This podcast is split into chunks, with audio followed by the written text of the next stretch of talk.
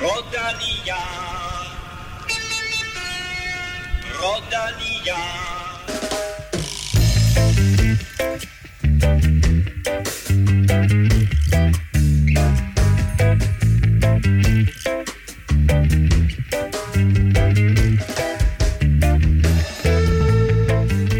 Velkommen til denne Europa Podcast Special, hvor vi skal lege sportsdirektør i Vuelta a Spanien og kigge på favoritter og skjulte outsider i årets Vuelta, så vi kan hjælpe dig med at sætte det mest slagkraftige mandskab i Vuelta-spillet på holdet.dk.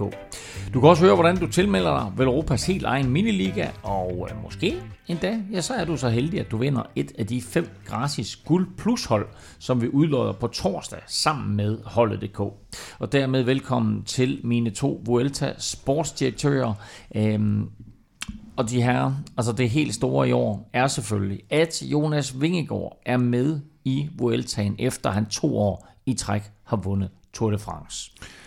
Jeg tror, jeg tror Remco han blev lidt ærgerlig dengang, at, øh, at de meldte det ud efter Tour de France. Han havde regnet med, at han skulle nøjes med og ned og have en... Øh, Ja, hvad med Roglic? ja, også det, men, men mere Remco, han havde, han havde lidt håbet på, at han, han bare skulle dyste med Roglic, ikke? og nu skal han så dyste med det her to monster der, hvor de kan, de kan køre deres 1-2 på ham og sådan noget. Så kan han få Det- sådan en, en, en Pogacar Rutsche Ja, til at køre det, tur der. det, der tror jeg altså ikke, han har været begejstret. Det, det, det, øh, hvem, altså man kan sige, selvfølgelig Roglic, men så længe det bliver på holdet, så, øh, så, er, det, så er der mindre, mindre tab der. Men han har vundet øh, tre gange Roglic, så må ikke han gerne vil vinde igen. Kan han lave en dobbelt? Øh, Jonas Vingegaard og Stefan.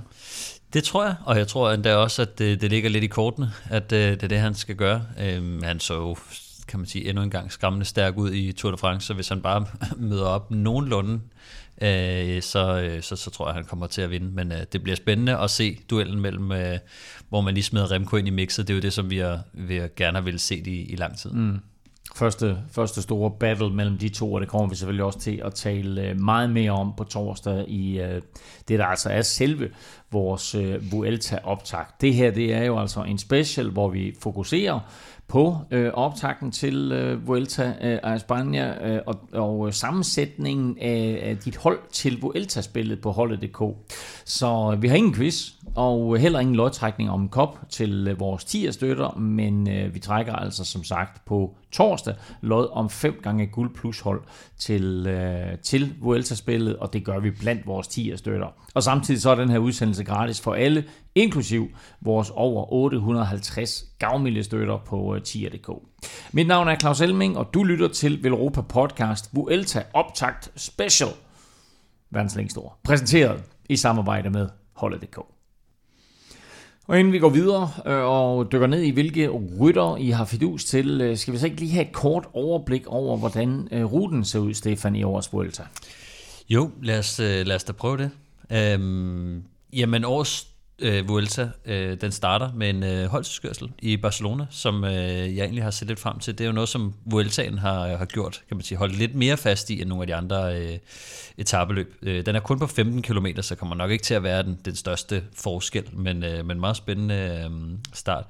Den første uge, synes jeg, er meget varieret, men der er også ret mange højdemeter puttet ind på den. Øh, øh, kan man sige, hvis man opsummerer hele den første uge, som så er lidt mere end, end syv dage lige i det her tilfælde, men øh, det er to øh, flade etapper, tre kuperede og tre øh, bjergetapper, øh, og allerede på tredje etape får vi den første sådan rigtige bjergetap. så det er, det er et løb, som kan man sige, i hvert fald i første uge starter, øh, starter rimelig øh, hissigt egentlig, og, og, og er meget varieret i, i terrænet.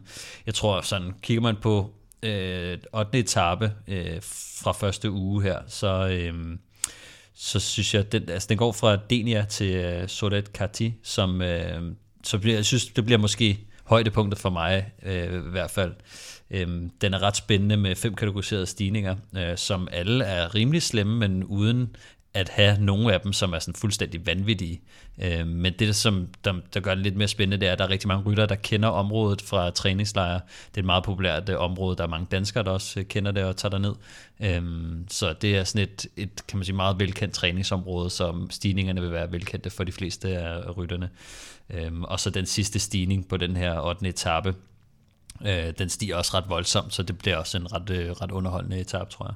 Første uge starter altså med en, med en holdtidskørsel. Anden uge, mm. der har vi også tidskørsel, men det er så individuelt. Det er det nemlig, og øh, det er en forholdsvis lang øh, enkeltstart og flad enkeltstart i Valladolid, som, øh, som er 26 km. Øh, jeg tror, hvis man kigger lidt på anden uge, øh, så vil jeg sige, højdepunktet der, det er nok 13. etape, hvor de kommer ind i Frankrig øh, og skal køre øh, Col de Obisque, øh, Col de Spandel og Col de Tourmalet. Det er jo en Tour de France-etappe øh, nærmest. Det er jo faktisk næsten Tour de France-etappen, øh, vi så i, i år også, og den her etape skulle faktisk have været kørt i, øh, i 2020 i, i Vueltaen, men øh, på grund af corona, og man ikke måtte krydse landegrænserne øh, på den oh, måde, ja. så, øh, så har man, altså, så sløjfede man jo etappen dengang, og, og så valgt at, at genindføre den i år, så det bliver en, en vild etape, tror jeg, øh, sådan en rigtig Tour de France-stemning øh, i, i anden uge. Og så tredje uge, der kommer berømte, berygtede, frygtede Angliru. Det gør den, og det tror jeg også er højdepunktet. Altså, jeg synes, at tredje uge starter rimelig hårdt. Der er to øh, slemme bjergetapper på de første tre dage i, i tredje uge, og som du siger, Angliru-etappen, øh, 124 km, det er ikke meget, men, øh, og den starter endda også flat, men så kommer der to kategori 1-stigninger, inden de skal op øh, af Angliru, og øh, for dem, der er, der er nogen, der kan huske Angliru, og der er nogen, for dem, der ikke kan huske den, den er voldsomt øh, stejl. Øh, den er 12, står til 12,5 km lang.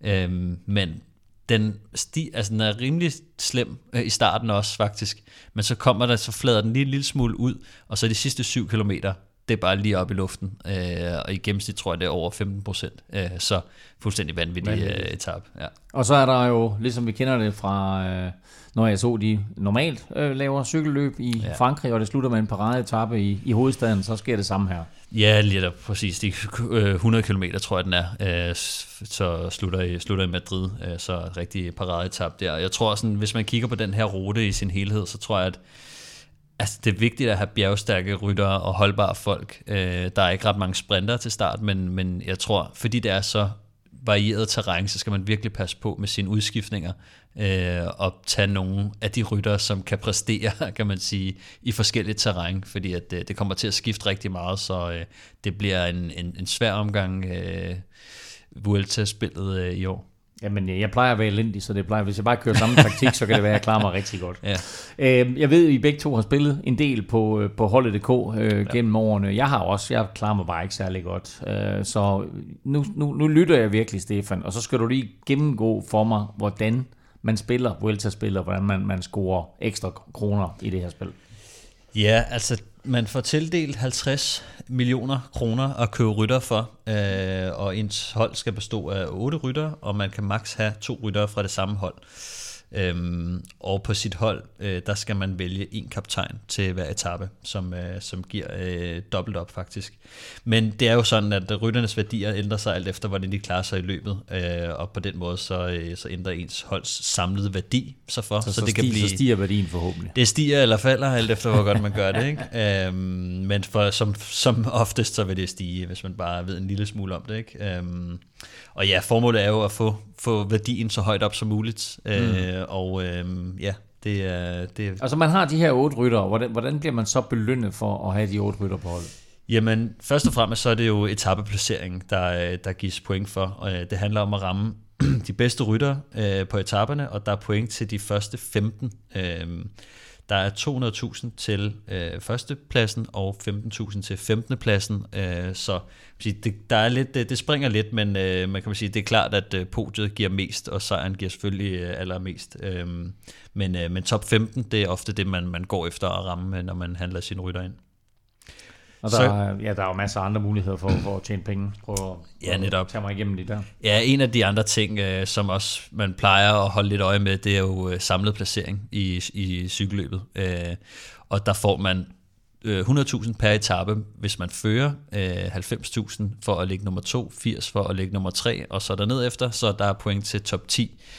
Så det er også ofte godt at have nogle af dem, som ligger kan man sige, i hvert fald i, i, i top 5, eller i hvert fald top 3. Øh, det plejer at være meget godt at, fortsætte med at, at beholde dem. Og så, som jeg sagde før, også øh, kaptajn, øh, kan man sige, anfører bindet der, som man skal dele ud til en rytter på, på hver etape. Den betyder også ret meget, så det giver jo dobbelt op, så, øh, så ja, det siger sig selv. Altså hvis en rytter vinder en etape, giver 200.000 plus, plus det løse, hvad man også efter, hvad man plejer at få, få med for sådan en sejr. Øhm, så, så, og at den giver dobbelt op, det plejer at være en meget god sådan måde at differentiere sig lidt på fra de andre gode hold, hvis man nu siger, jamen jeg smider øh, anførbindet på Jonas Vingegaard, eller Roglic, eller Remco. Øh, det kan jo betyde ret meget, alt efter, øh, det kan være, at de kommer ind i samme gruppe, men det kan være, at Roglic vinder, og øh, man har sat det på Remco, som bliver nummer 8, så er der ret stor forskel, så øh, det, det er ret, øh, ret stor ting. Så er der også øh, etappebonusen, som egentlig er en ret spændende, men også en ret tricky ting, og det er sådan en bonus, der bliver givet for, hvor mange af de otte rytter, man får i top 15. Øh, så det kan man sige, får man alle otte ryttere i top 15, så er der en ekstra bonus på helt op til 400.000. Øh, det er meget sjældent, at man rammer den, men det er ofte noget, som kan man sige, det er noget high risk, high reward, om man går efter rytter, der kan man sige, øh, ligger til i klassementet, eller du ved, man, man tænker, at det, det kan være ham her, han, han kommer til at holde sig lidt til. Men, øh, men det der, hvor man skifter hele lortet ud og går efter, øh, tager alle sprinter, otte sprinter på sit hold for eksempel, og man dropper alle ja, det, det er vel nemmest i sprinteretapper og i sådan noget som enkeltstart, hvor man ligesom har en fornemmelse af, at de her, det er de bedste ja, i den disciplin. Der, der, plejer man at skifte mange ud i hvert fald. Ikke? Øh, jeg ved, at mig og Kim, vi, vi plejer at gå efter det, de høje bonusser på øh, etappebonus, men øh, det er som sagt high risk, high reward. Gå være, jeg skulle til at kigge lidt mere på det. Ja, det, det øh, man, man plejer, eller man kan nemt brænde nallerne også, øh, men, øh, men det er i hvert fald øh, noget, som, øh, som, hvor man kan virkelig øh, tage nogle kvantespring i forhold til de andre gode spillere.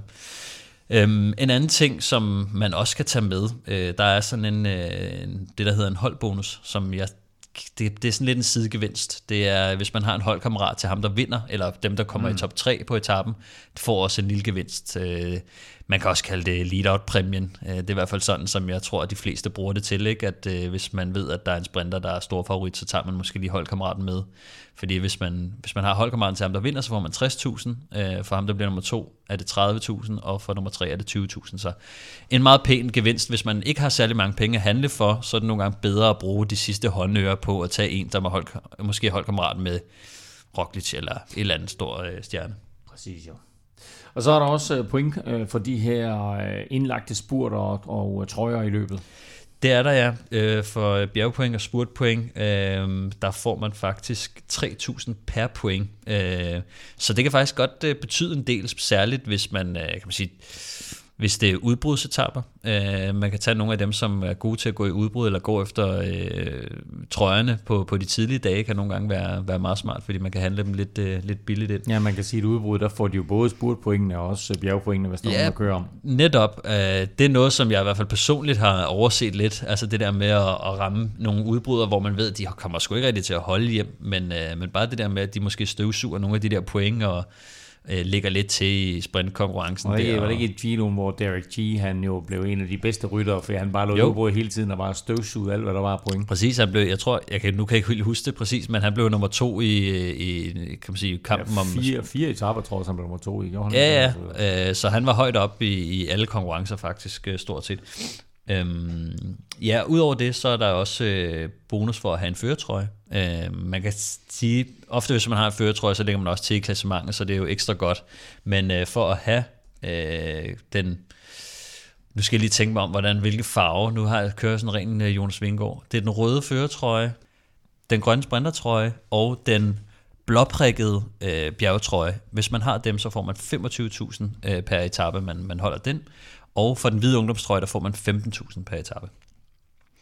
Øhm, ja. Og så er der også det her med, man, hvis man kan ramme den der øh, mest angrebsivrige, så får man faktisk 50.000, og det er vel fordi det er fuldstændig vanvittigt svært at ramme. Den er svær at ramme. Altså man kan sige, hvis man, hvis man rammer nogle gange, så ved vi, nogle år, så ved man, at Thomas de Gent, han kører i udbrud. uh, så nogle gange, og Derek G fandt vi ud af, han kører altid i udbrud i, i Gidoen. Ja. Så jeg tror, kan man spotte nogle af dem, som er rigtig gode til at ramme udbrudene, og, og kan få nogle af de der uh, hvad hedder den, mest uh, combative, competitive uh, rider, most competitive rider, uh, som er kan man sige, den mest angrebsivrige rytter. Uh, det 50.000 er faktisk ret meget, plus at de får jo også mange point. Altså, hvis man har, sammen, ja. ja. som regel så har man været i fronten af, af cykelløbet og støvsuget nogle af de der point, så uh, den er, det er en, uh, lidt en x-faktor i, uh, i spillet, som, og, og en af de nyere regler faktisk, der er kommet til. Og så bedst som jeg nogle gange tænker, at så nu er jeg ved at have styr på det her, nu, uh, nu er der en chance for, at jeg bevæger mig op i hierarkiet, så bliver jeg altid ramt af minuspoint. Mm. Hvorfor er det, det sker? ja, det, du vælger de forkerte rytter. Ja, det er korrekt. Ja, altså, man, øh, man får minuspoint øh, for, for, først og fremmest, hvis, man, øh, hvis en, ens rytter udgår af cykelløbet, enten øh, DNF eller DNS, som er udgår undervejs eller inden etappen, øh, der får man 100.000 minus. Så det er, ret, det er ret meget faktisk. Øh, og ellers så er det, hvis man taber tid på etappen, øh, der får man minus 3.000 per minut, man taber. Dog øh, er det højst 90.000 øh, i minus, men det kan være rimelig nederen at have nogen, hvor, som giver 90.000 eller bare 60.000 eller sådan noget. Det, det, øh, det er ikke så sjovt. Og så er der det her, vi jo lidt inde på med hensyn til at øh, skifte ryttere, mm. fordi man skal jo finde ud af helt nøjagtigt, hvordan man griber det an, øh, taktisk og økonomisk, for det er jo mm. ikke helt gratis jo. Nej, det er det. Altså, det koster 1% i transfergebyr at, at handle en rytter, og det lyder ikke af meget, men det kan faktisk være øh, ret meget. Altså en rytter som, som Jonas Vingård, jeg tror, han står til 12 millioner. Øh, det koster så 120.000 at skifte ham ud. Mm. Øh, og som jeg sagde før, altså at vinde en etape giver 200.000, ikke? Så Altså sådan, man skal være rimelig sikker, øh, hvis man skifter nogle af de dyre ud, eller hvis man skifter mange rytter ud, fordi den der transfer, transfergebyr, den kan godt øh, løbe, løb, løbe løbsk nogle gange, øh, så, så den skal man lige øh, passe lidt på, men der er nogle gange, hvor det giver sig selv, at man skal skifte ud. Man skal bare lige kigge på det der transfergebyr, og måske lige overveje, om, om det nu også er, er, er det værd. Altså jeg er jo så dårlig til at spille det her spil, så jeg overvejer nogle gange bare at lade være med at handle overhovedet, og så bare have alle mine penge stående i banken. Køb de otte, ja. køb, køb de otte billigste rytter, og så bare få noget rente. Det kan være, du får lidt minuspoint i bjergetapperne. Det er rigtigt. Altså hvis det, hvis det går meget modsat, hvad, øh, hvad de har regnet med, så, så kunne det være en, en sjov strategi. Ej, jeg tror, hvad hedder det, um, for de penge, man har stående, øh, der får man øh, øh, hvad hedder det, en halv procent i renter. Øh, så øh, så der, det er lidt, men øh, for det meste, så, så giver det ofte mening at bruge sine penge. Det er nok mere til sidst i spillet, øh, hvor man så, nogle gange, så, så når nogen der er udgået, og man, der er nogen, der har overrasket, der er nogen, der har skuffet, og så, så kan det være, at man, man måske kan spare lidt og lade dem stå i banken, men det er ikke den helt store faktor, synes jeg i hvert fald. Øh, jeg ved ikke, hvad, det, hvad du siger, Kim, øh, med det der med at lade penge stå Nej, i banken. Det, det har jeg aldrig tænkt på. Det ja, jeg heller, ikke, heller, heller ikke i livet generelt, tror jeg. ja. uh, husk på, at det vi gennemgår her, det er Vuelta-spillet. Du kan faktisk også spille det, der hedder Vuelta Manager, og det er jo så uden udskiftninger, så der gør du lidt ligesom, hvad skal vi sige, cykelholdene rigtigt gør, at der får du også lov til at udtage otte rytter på forhånd, og så er det de otte rytter, der skal køre samtlige 21 etaper for dig, og så finder man en øh, samlet vinder til sidst af, hvem der har klaret sig bedst blandt de, øh, de otte rytter, man altså udtager på en gang. Men Vuelta-spillet her, som øh, vi fokuserer på i dag, det er altså med udskiftninger. Og inden vi går videre til selve udvælgelsen af ryttere, så skal vi lige øh, kigge på værdien af øh, de danskere, som indtil videre er udtaget til Vuelta a España, eller som forventes at have gode muligheder for at komme med, og som der også er sat et beløb på, for der er faktisk nogle rytter, som bliver udtaget løbende, som der ikke er sat beløb på endnu. Og øh, den første, største og dyreste er naturligvis Jonas Vingegaard. Ja, Jonas Vingegaard, øh, hele holdet er jo bekræftet, øh, virkelig, virkelig stærkt hold, og Sepp Kuss kom jo med igen, øh, kører sin tredje Grand Tour. Og, øh, hvad ja, i år. Det? I år, ja. ja. Og, øh, og Jumbo kan også blive det første hold, der vinder alle tre Grand Tours på et år. Mm. Øh, og øh, derfor så koster, eller ikke derfor, men øh, forventningerne er jo i hvert fald høje, og derfor koster Jonas Vingegaard 12 millioner som den dyreste i, i hele spillet. Vi forventer også, at, øh, eller håber i hvert fald på at se Mikkel Honoré øh, i Vueltaen. Han skulle være med, øh, men hverken ham eller Kasper P., som også øh, er bekræftet, er der sat pris på endnu på, øh, på holdet.dk. Ja, Mikkel men, er ikke bekræftet endnu, men Kasper P. Nej, men Kasper P. er. Øh, til gengæld så er der pris på Andreas Kron, som øh, er klar til endnu en Grand Tour, efter han jo meldte fra til, øh, til Tour de France. Ja, 5,5 millioner. Øh, jeg ved ikke om Stefan, har du ikke tidligere i år spået, at han vinder en etape i Vueltaen? Øh, jeg tror i hvert fald på, at øh, ja. han, han, han vinder en etape i Vueltaen. Så hvis man rammer den rigtige dag, så er 5,5 millioner jo ingenting. Det er det. Altså jeg ved, at det er jo selvfølgelig også hans mål. Uh, big surprise at vinde en etape. Uh, men ja, jeg har et godt øje til ham i hvert fald. Og også et, uh, hvad skal man sige, det hold, de stiller med, ud over måske Milan Menten, som skal køre nogle, uh, nogle spurter, så er det ikke fordi, det er sådan... Det, det er ikke sådan de voldsomme, uh, altså det er, ikke, det er ikke sådan, at han uh, ligger ned af hierarkiet på det hold, mm. kan man sige. Han får sine chancer, det er der nok ingen tvivl om. Lad os kigge lidt nærmere på øh, de første tre etaper i Vueltaen, fordi de er mildest talt øh, meget forskellige. Først, som sagt, altså en holdtidskørsel, så sådan en, en poncheur-etappe med to ramper inden for de sidste 5 km, og så en decideret bjergetappe med, med to kategoristigninger øh, til sidst. Hvordan lægger man en god taktik for tre så forskellige etapper? Ja, man kan sige, nu har vi jo, vi har faktisk haft nogle eksempler på det der med at starte i Danmark, starte i Baskerland og sådan noget. Der synes jeg næsten, det har været sværere, fordi, eller i hvert fald øh, variationen har nogle gange været, været vildere, men her kan man faktisk godt, hvis man ser på, på nogle af de her gode holdtidskørselsmandskaber, og så derfra tager nogen, der er stærke opad, så er man nogenlunde dækket ind på de her tre første etaper. Så kommer med hensyn til, til holdtidskørsel, ja. der får man jo 200.000 for hver rytter, man har fra det hold, som øh, hvis, hvis man har vinderholdet. Mm. Øh, og jeg kan ikke engang huske, hvordan det så er, at det går ned, men øh, 200.000 for vinderen, 150.000 for andenpladsen, 100.000 for tredjepladsen, 50.000 for fjerdepladsen og 25.000 Og man kan ikke bare tage øh, hele Jumbo Vismas hold. Men du kan tage to rytter ja. på det hold der. Så, så man er nødt til at finde at, en... at ramme, hvad skal vi sige, otte rytter måske, som ja. er i top 5. Så, så fire gode hold skal man finde, ikke? Måske. Øh, og så kan der være nogen, man tror er så gode på anden og tredje etape, at, at man er nødt til at se bort fra deres måske knap så gode øh, holdtidskørselsevner, at, øh, at man vælger at have dem, hvis man ikke vil bruge penge på udskiftning. Men har vi nogen fornemmelse af, for eksempel, lad os nu sige, at nu vandt uh, Jumbo Visma, de vandt holdtidskørselen i, uh, i Vuelta Burgos, der lige har kørt. Har man nogen fornemmelse af, hvilken rytter de eventuelt kører lad, første årsdrejning? Lad, lad køre første årsdrejning. Ja, det er simpelthen noget bøvl, og jeg kan huske en gang, jeg spillede det, hvor Brian Nygaard var pressechef for noget Orica-agtigt, hvor jo var det var en Toft, der fik lov at vinde, Præcis. fordi han aldrig havde vundet, og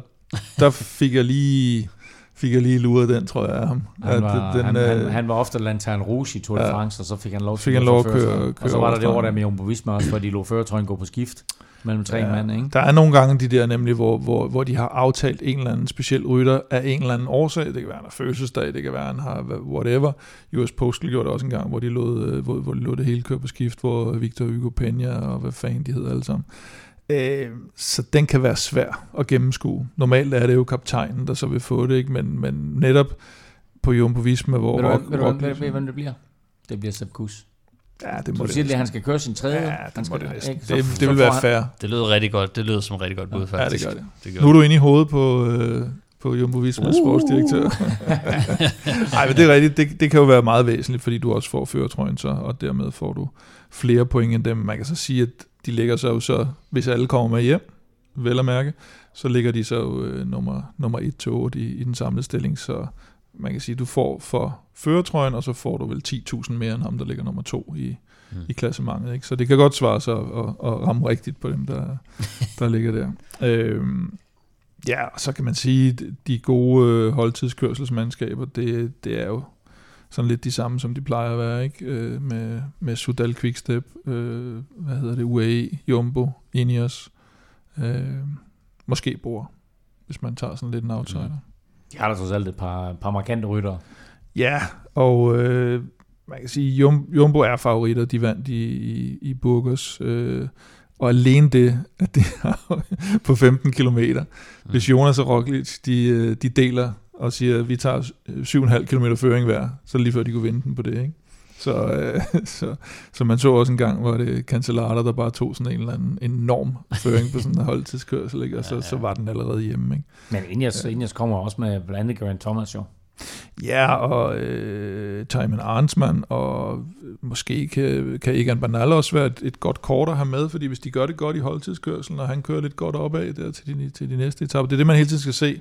Hvem er det på holdet? Altså for eksempel Jonas Roglic hos øh, Jumbo, Thomas Arnsman, Bernal på, på, på Ineos, og, øh, og så se på, på, på Bora for eksempel. De har jo både Vlasov, Ødebruggs, Igita, Kemna, alle de kunne faktisk være i spil på, på anden og tredje etape. Ikke?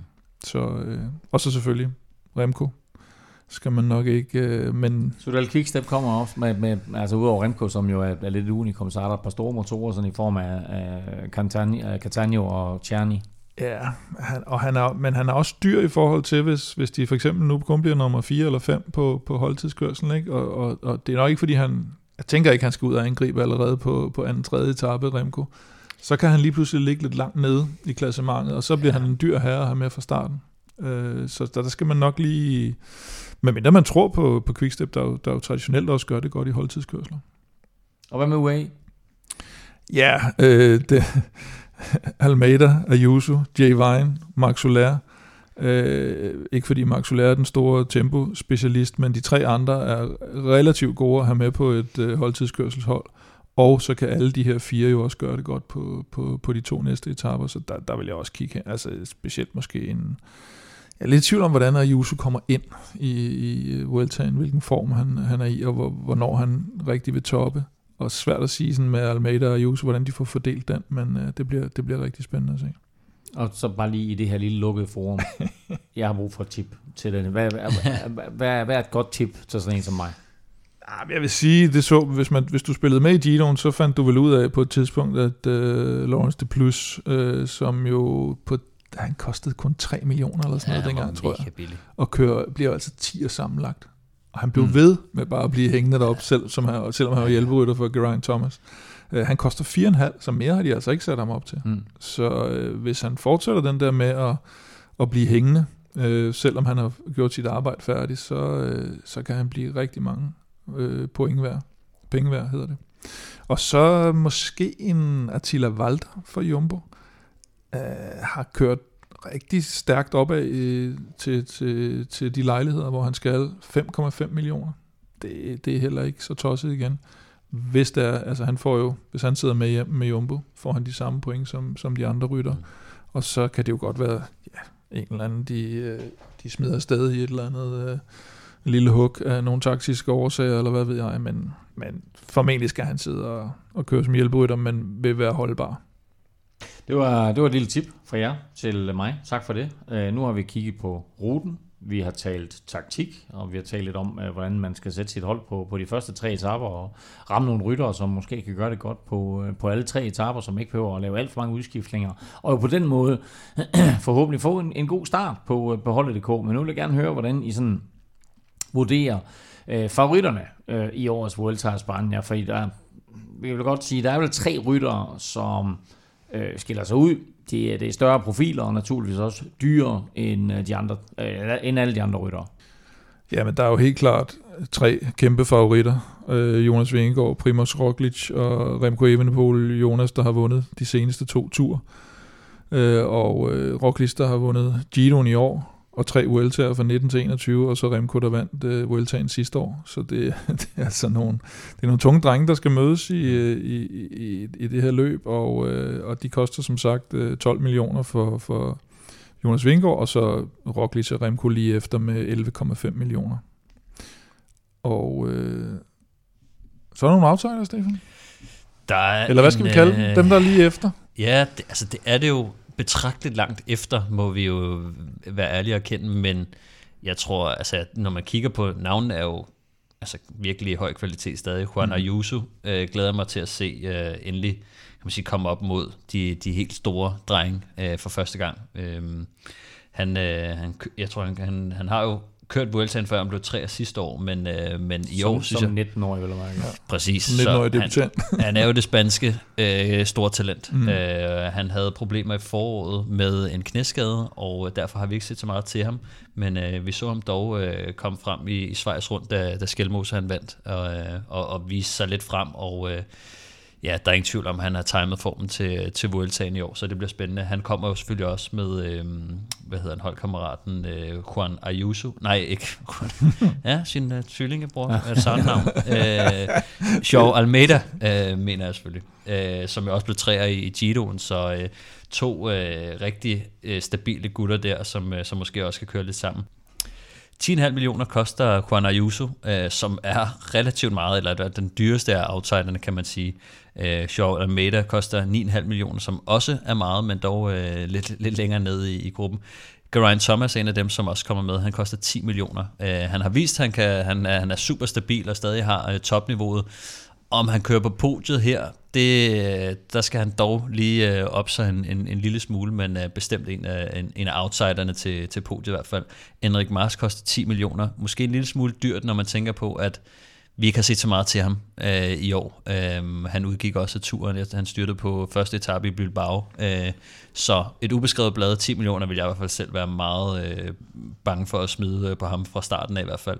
Det samme kan man sige om Richard Carapaz, så koster 9,5 millioner. Han styrtede også på første etape af turen øh, og udgik derefter.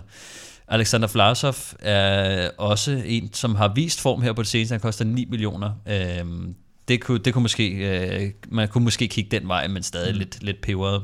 Jeg tror, at mange af dem skal, til at starte med skal op og have fat i de helt dyre, øh, og så skal man kigge på, på noget budget bagefter, men, øh, men det her det er nok outsiderne til det, og prissætningen øh, siger også lidt, at, øh, at man regner med, at de laver noget stort. Men hvad er så budgetrytterne, Kim?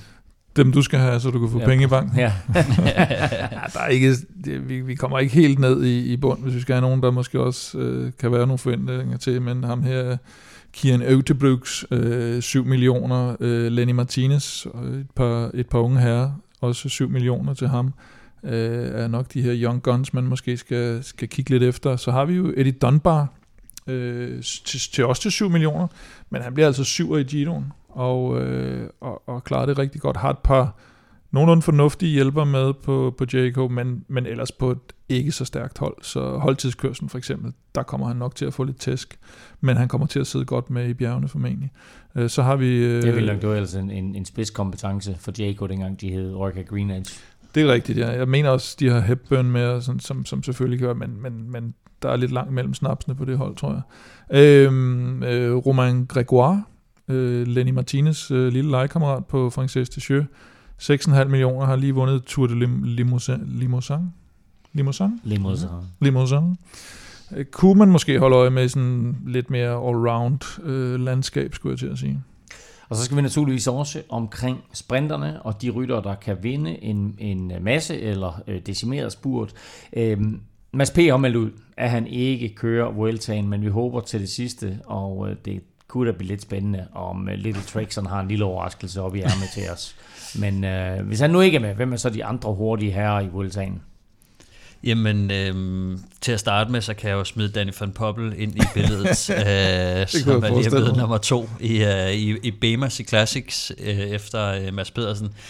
Han var jo lige i turen, øh, så der var ikke meget, vi så øh, til ham. Han, øh, han koster 7,5 millioner, så han, han er også øh, lidt deroppe af, men men ikke sådan, øh, han er faktisk en af de dyreste sprinter i, i, i spillet, kan man sige. Men, øh, men det er sådan en, som, øh, som jeg vil kigge. Ellers så Martin van den Berg fra, fra EF, øh, synes jeg også, man har set øh, i øh, Polen rundt, vandt en etape.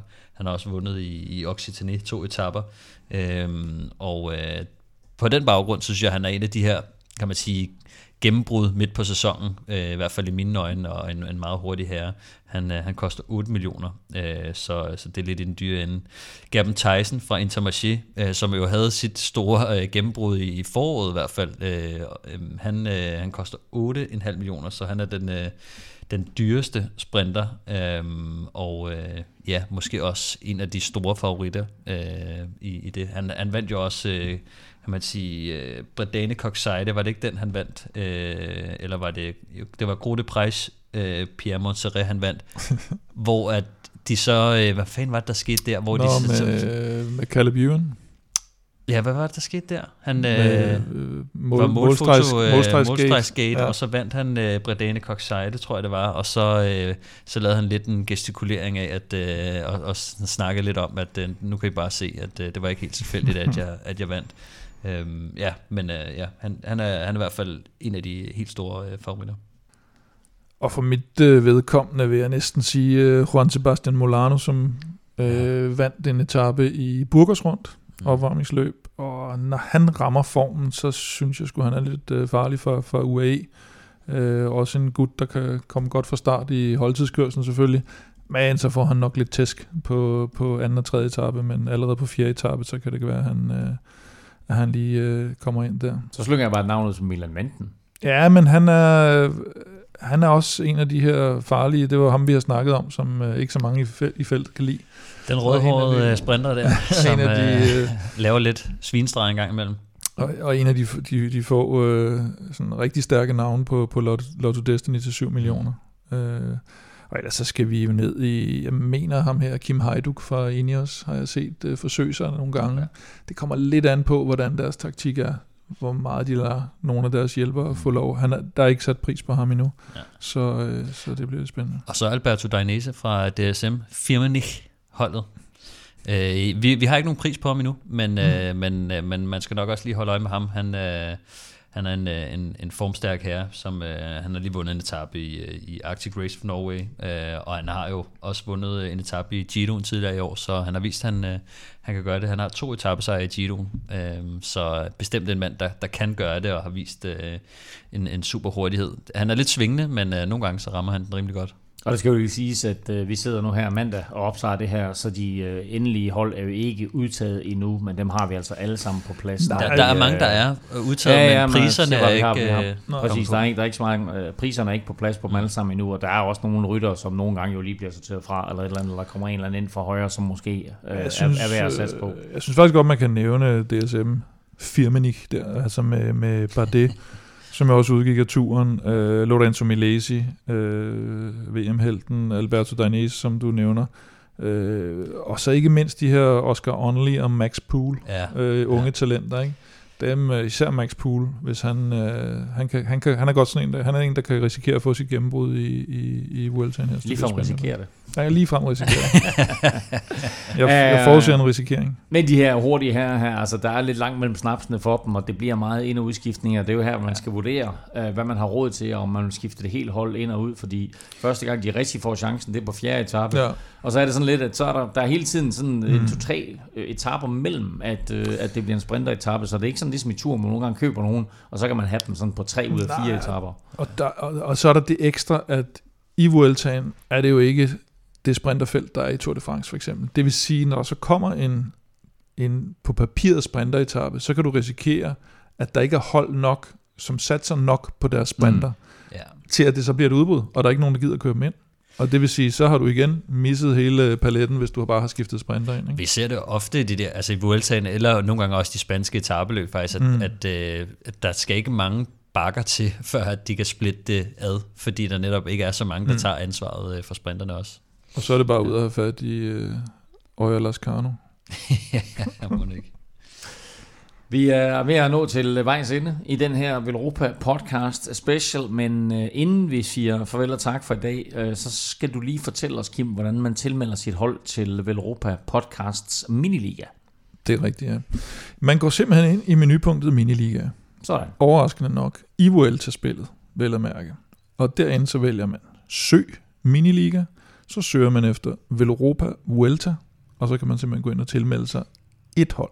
Der er nogen, der, der, er nogen, der Vi har lavet sådan en kun et hold per den her pulje, ja. for ellers så er der nogen, der lige har hold 1, 2, 3, 4, 5, 6, 7, 8, 9. Miniligaen hedder Velropa Vuelta. Jeg yep. tror ikke, man behøver at søge på det hele. Man kan bare søge på Velo eller Velropa, og så kommer den frem der. Men altså, hvis yep. man vil være med i den her miniliga øh, for Velropa podcast, så er det øh, ganske logisk Velropa Vuelta. Vi er som nævnt tilbage på torsdag, hvor vi går endnu mere i dybden med ruten. Vi kigger på danskerne og favoritterne, og øh, tvekampen naturligvis øh, mellem øh, Jumbo Visma og Remco Evenepoel. Og øh, husk, at hvis du vil vinde en Veloropa Cup og samtidig være med i lodtrækningen om fem gratis øh, guld plus hold til Vuelta-spillet, så hop ind og støt os på øh, tier.dk. Og indtil vi høres ved, der kan du følge Kim og Veloropa på Twitter, på Snablag Veloropa. Twitter? X. Twitter X. Jeg vender mig aldrig til det. Ah, nej. Aldrig.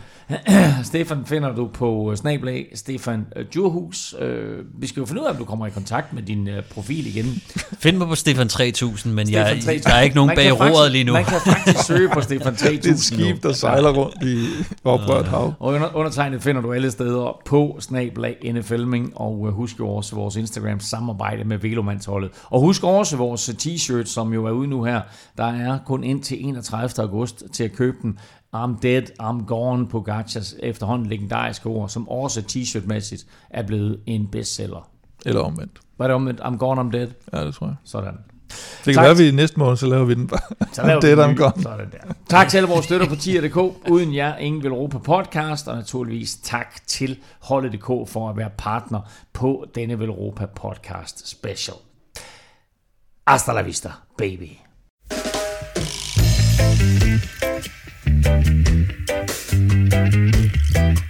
Thank